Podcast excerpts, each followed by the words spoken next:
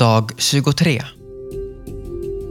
För om vi som var Guds fiender blev försonade med honom genom hans sons död, hur mycket mer ska vi då inte som försonade bli frälsta genom hans liv? Men inte bara det. Vi gläder oss också i Gud genom vår Herre Jesus Kristus, genom vilken vi nu har tagit emot frälsningen. Romarbrevet kapitel 5, vers 10 och 11. Dag 23. Guds obeskrivliga gåva.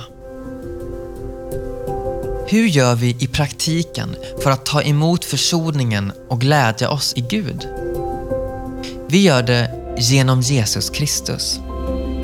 Vilket åtminstone innebär att vi gör porträttet av Jesus i Bibeln, det vill säga Jesu ord och gärningar som de beskrivs i Nya Testamentet, till det väsentliga innehållet i vår glädje i Gud.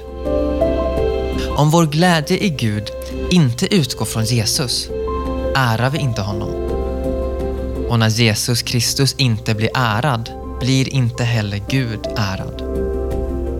I Andra Korintierbrevet kapitel 4, vers 4-6 beskriver Paulus på nyttfödelsen på två sätt. I vers 4 säger han att det är att se Kristi härlighet, han som är Guds avbild. Och i vers 6 säger han att det är att se Guds härlighet som strålar från Kristi ansikte. I båda fallen ser du poängen. Vi har Jesus Kristus, Guds avbild och vi har Gud i Jesu Kristi ansikte.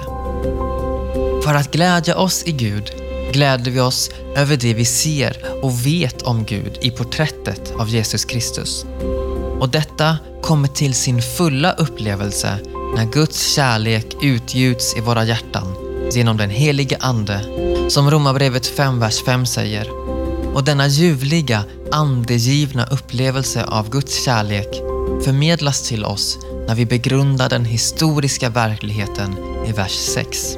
För när tiden var inne, medan vi ännu var maktlösa, dog Kristus i de ogudaktigas ställe.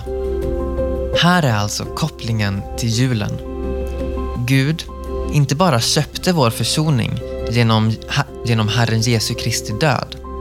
Och Gud gjorde det inte bara möjligt för oss att ta emot den försoningen genom Herren Jesus Kristus, utan redan nu gläder vi oss i Gud själv, i Anden, genom vår Herre Jesus Kristus. Jesus köpte vår försoning. Jesus gjorde det möjligt för oss att ta emot försoningen och öppna gåvan. Och Jesus själv strålar som den obeskrivliga gåvan, Gud i köttet och väcker all vår glädje i Gud. Se på Jesus i jul. Ta emot försoningen han köpte. Lägg inte gåvan på hyllan oöppnad. Och när du öppnar den, kom ihåg att det är Gud själv som är gåvan. Gläd dig i honom. Upplev honom som din njutning. Känn honom som din skatt.